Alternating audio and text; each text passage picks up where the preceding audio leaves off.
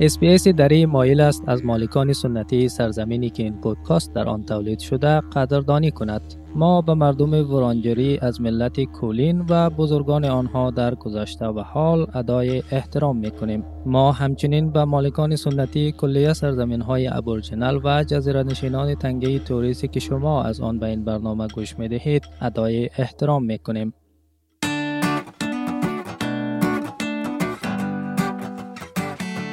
آیا گاهی در موقعیت قرار گرفته اید که احساس کرده باشید دوستان استرالیایی تان با شوخی هایشان شما را مسخره می کنند؟ نگران نباشید شما قطعا تنها نیستید. به دنیای شوخ طبعی و جوک های استرالیایی خوش آمدید.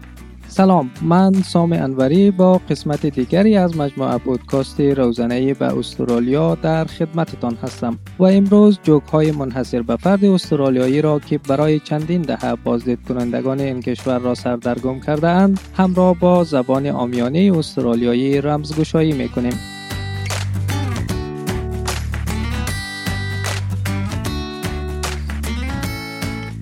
فرهنگ شوخ طبعی استرالیایی به تنه آمیز بودن و خشکی معروف است. این اولین موضوع است که در این راهنمای مبتدی به دنیای تنز و شوخ طبعی استرالیایی در مورد آن صحبت می کنیم. اغلبا وقتی دو دوست استرالیایی با هم روبرو می شوند همدیگر را مسخره می کنند اما نیتشان صاف است و این موجب دوری یا سوء تفاهم بین آنها نمی شود مرزیه صادقپور پژوهشگر نویسنده و استاد زبانشناسی فرهنگی در دانشگاه های موناش و دیکنی ملبورن است.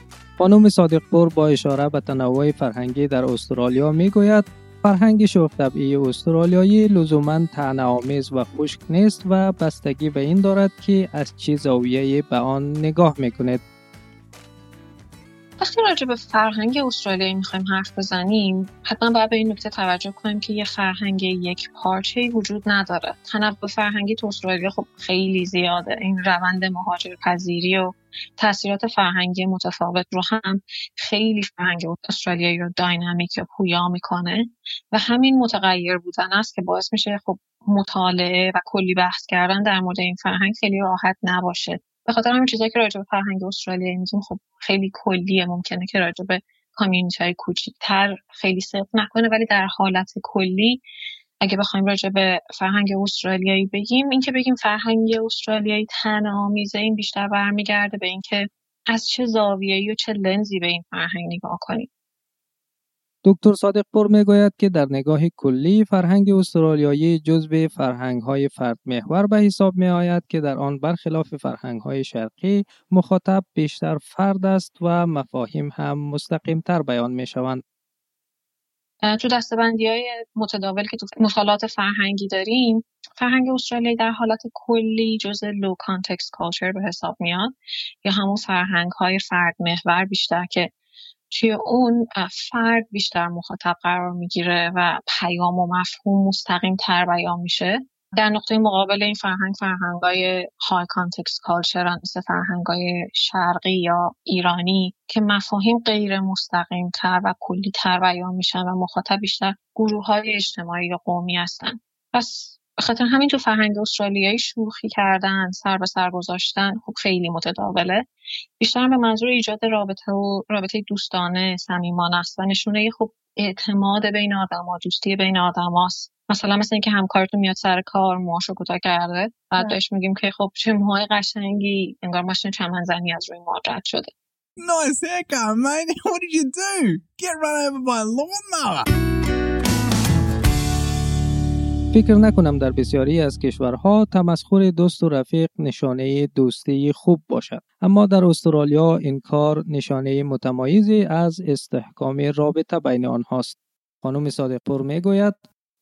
اما این شوخی تو فرهنگای دیگه ممکنه اینطوری نباشه. ممکنه کم منفی تر باشه یا حالت تن و کنایه به خودش بگیره. مثلا تو ایران شاید همچین شوخیایی حالت دست انداختن داشته باشه سر به سر گذاشتن یا یه کمی منفی تر از این باشه.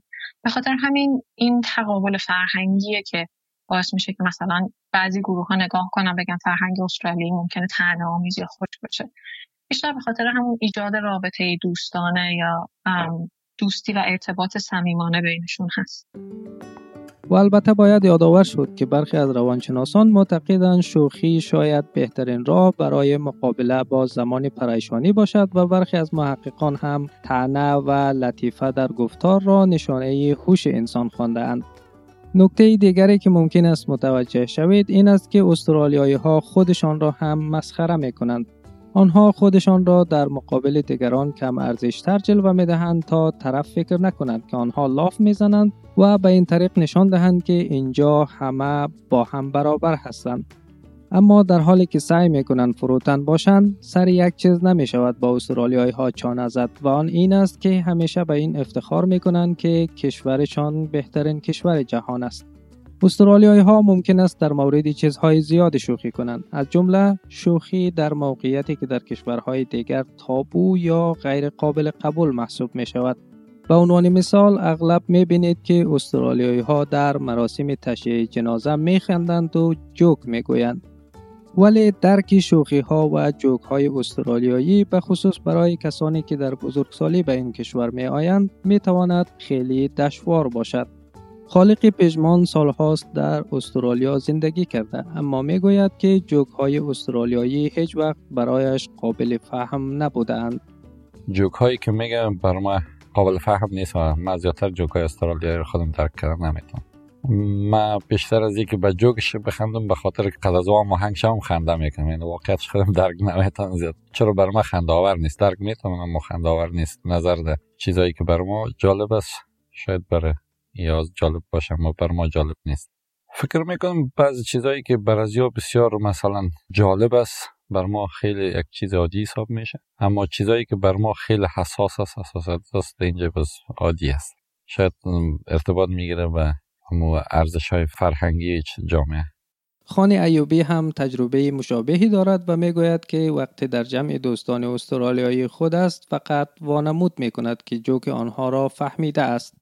خب جوگاش را زیادتر متوجه نموشدم ولی همکارایی که در گذشته صحبت می‌کردن من کوشش می‌کردم که همراه از اونا خود خود هماهنگ کنم به یک نحوی. مثلا اگه یک جوگ خنده آور سه چهار نفر دیگه میخندید من کوشش می‌کردم که بخندم. اون تا نمیفهمیدم که جوگ میگم با خاطر که من لسان از اینا را مثل لسان مادری خون نمی‌فهمم. یعنی درکی که از لسان فارسی دارم از انگلیسی ندارم. از خاطر کوشش می‌کنم به یک نحوی اگر احیانا زیادتر متوجه نمیشم نشان بدیم یعنی بروز بدیم بهشون که ما متوجه شدم گپ و اگر جوکی هم گفته باشد که قاعدتا دیگر اگه خندیده باشم ما هم کوشش کردم که همراه از اونا بخندم خانم صادق پور درباره تفاوت لطیفه و تنز در فرهنگ ما و فرهنگ استرالیایی می‌گوید.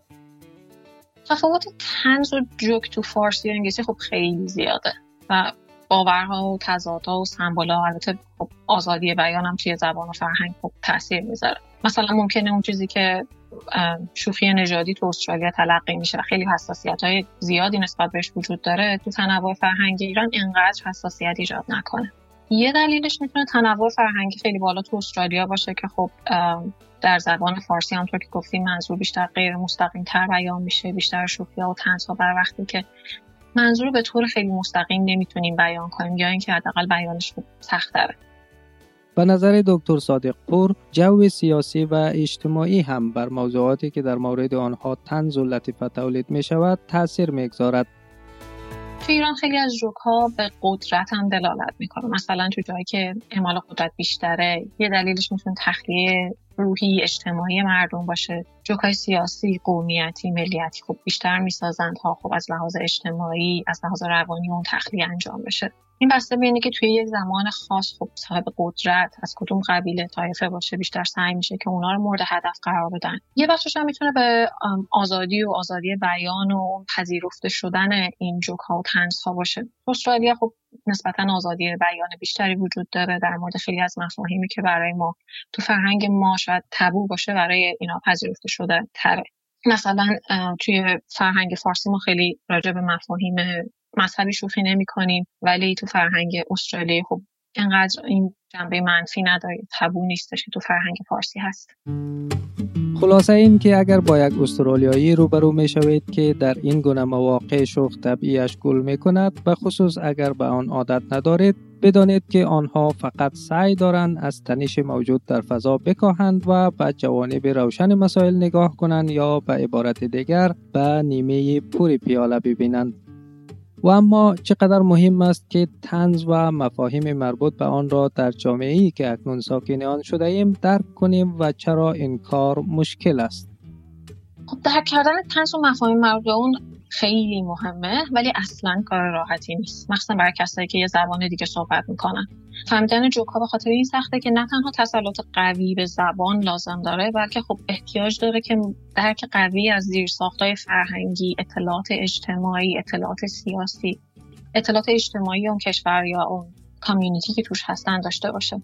جوک و تنز خب جز لایه خیلی زیرین ظریف زبانه که کسایی که آشنایی فرهنگی خوبی دارن کسایی که تجربه زندگی تو اون اجتماع رو دارن می‌تونن درک خوبی ازش داشته باشن خانم صادقپور فهمیدن لطیفه و تنز را یکی از راه های خیلی موثر برای برقراری ارتباط و جا افتادن در یک فرهنگ جدید می داند.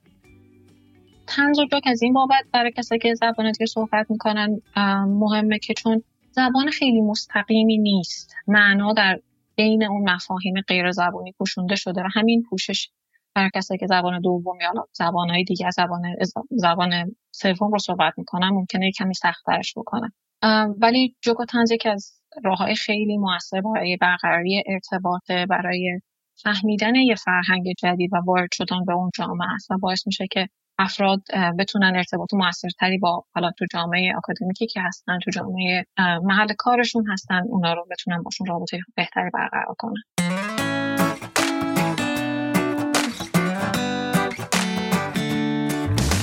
و رسیدیم به پایان یکی دیگر از قسمت های مجموعه پودکاست روزانه به استرالیا.